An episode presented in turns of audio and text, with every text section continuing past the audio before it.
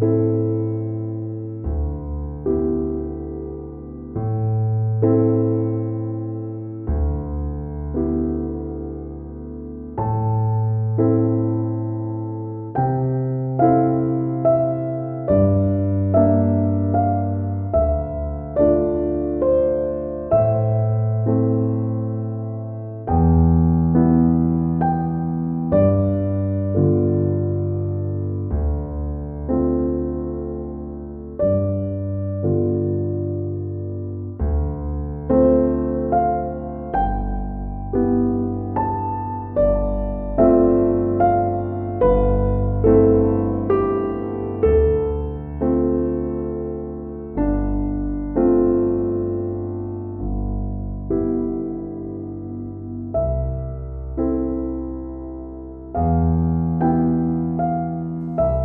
De omgang.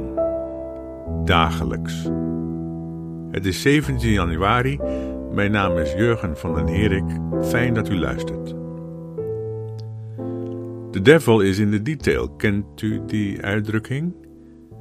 Soms kun je aan het begin van een kerkdienst al wel horen uit welke hoek de wind waait. Als de dominee begint over God onze Heer, dan weet je met aan zekerheid grenzende waarschijnlijkheid dat het een dienst wordt die op religieuze basis en op de klank af in elkaar is gefabriekt. God onze Heer. Ik hoor het wel eens, uh, vaak zelfs. Wat taal betreft is het eerste lid van deze aanduiding God, God die we allemaal wel kennen, en de nadere bepaling onze Heer. Dus parafraserend gezegd, de God die we allemaal kennen, u weet wel wie we bedoelen, van hem zeggen we dat hij onze Heer is. Wij aanvaarden God die anderen afwijzen of er niet in geloven, als onze Heer.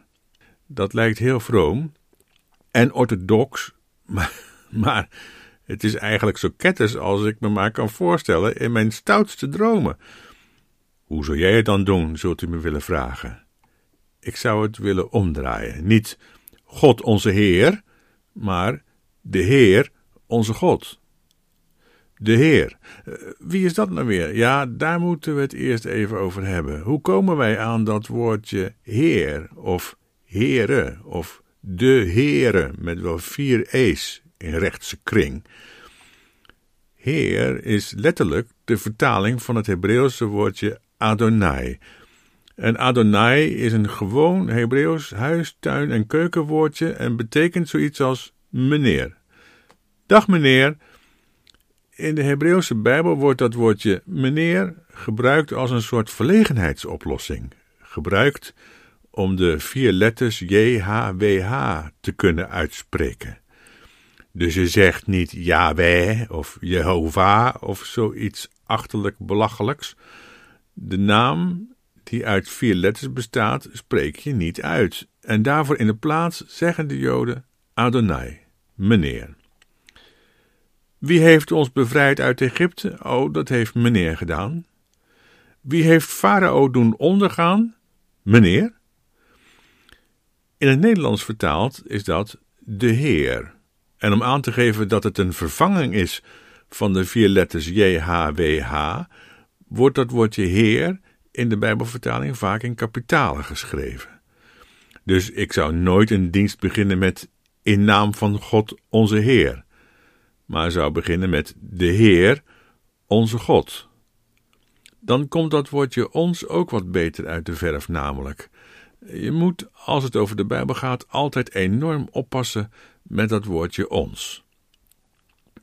Dat Adonai, de God van Israël, ook onze God is, niet allereerst en niet exclusief, maar ook, dat is precies waarop de kerkdienst zou moeten rusten.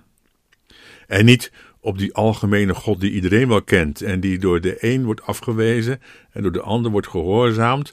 Eh, de, God waarvan de buurvrouw murmelt: Er is meer tussen hemel en aarde, dominee, terwijl ze de kat haar melk geeft. Niet de algemene God is dan onze Heer, het is dus niet onze Heer, het is de Heer van Israël, Adonai. En die noemen we onze God. Die Heer die niet van ons is, noemen we onze God. Kan dat wel, dat wij uit onszelf iets God noemen? God is toch gewoon God, simpel, God, die bestaat, God. Nee, het bijzondere is nu juist dat dat in Israël zo niet werkt.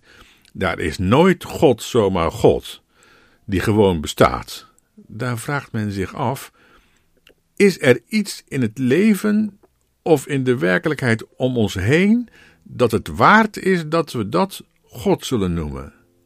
Wat noemen we nu wel God en wat allemaal dus niet?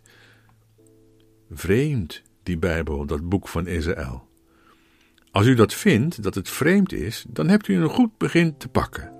Want inderdaad, wie de Bijbel als boek van Israël niet allereerst vreemd vindt, zal er al lezende niet veel van begrijpen.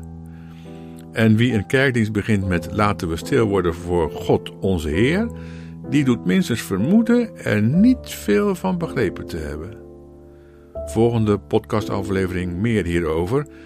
En dan zullen we zien dat de boeken van Israël een heel stuk atheïstischer zijn dan de moderne cabaretier in onze lage landen. Bedankt voor het luisteren.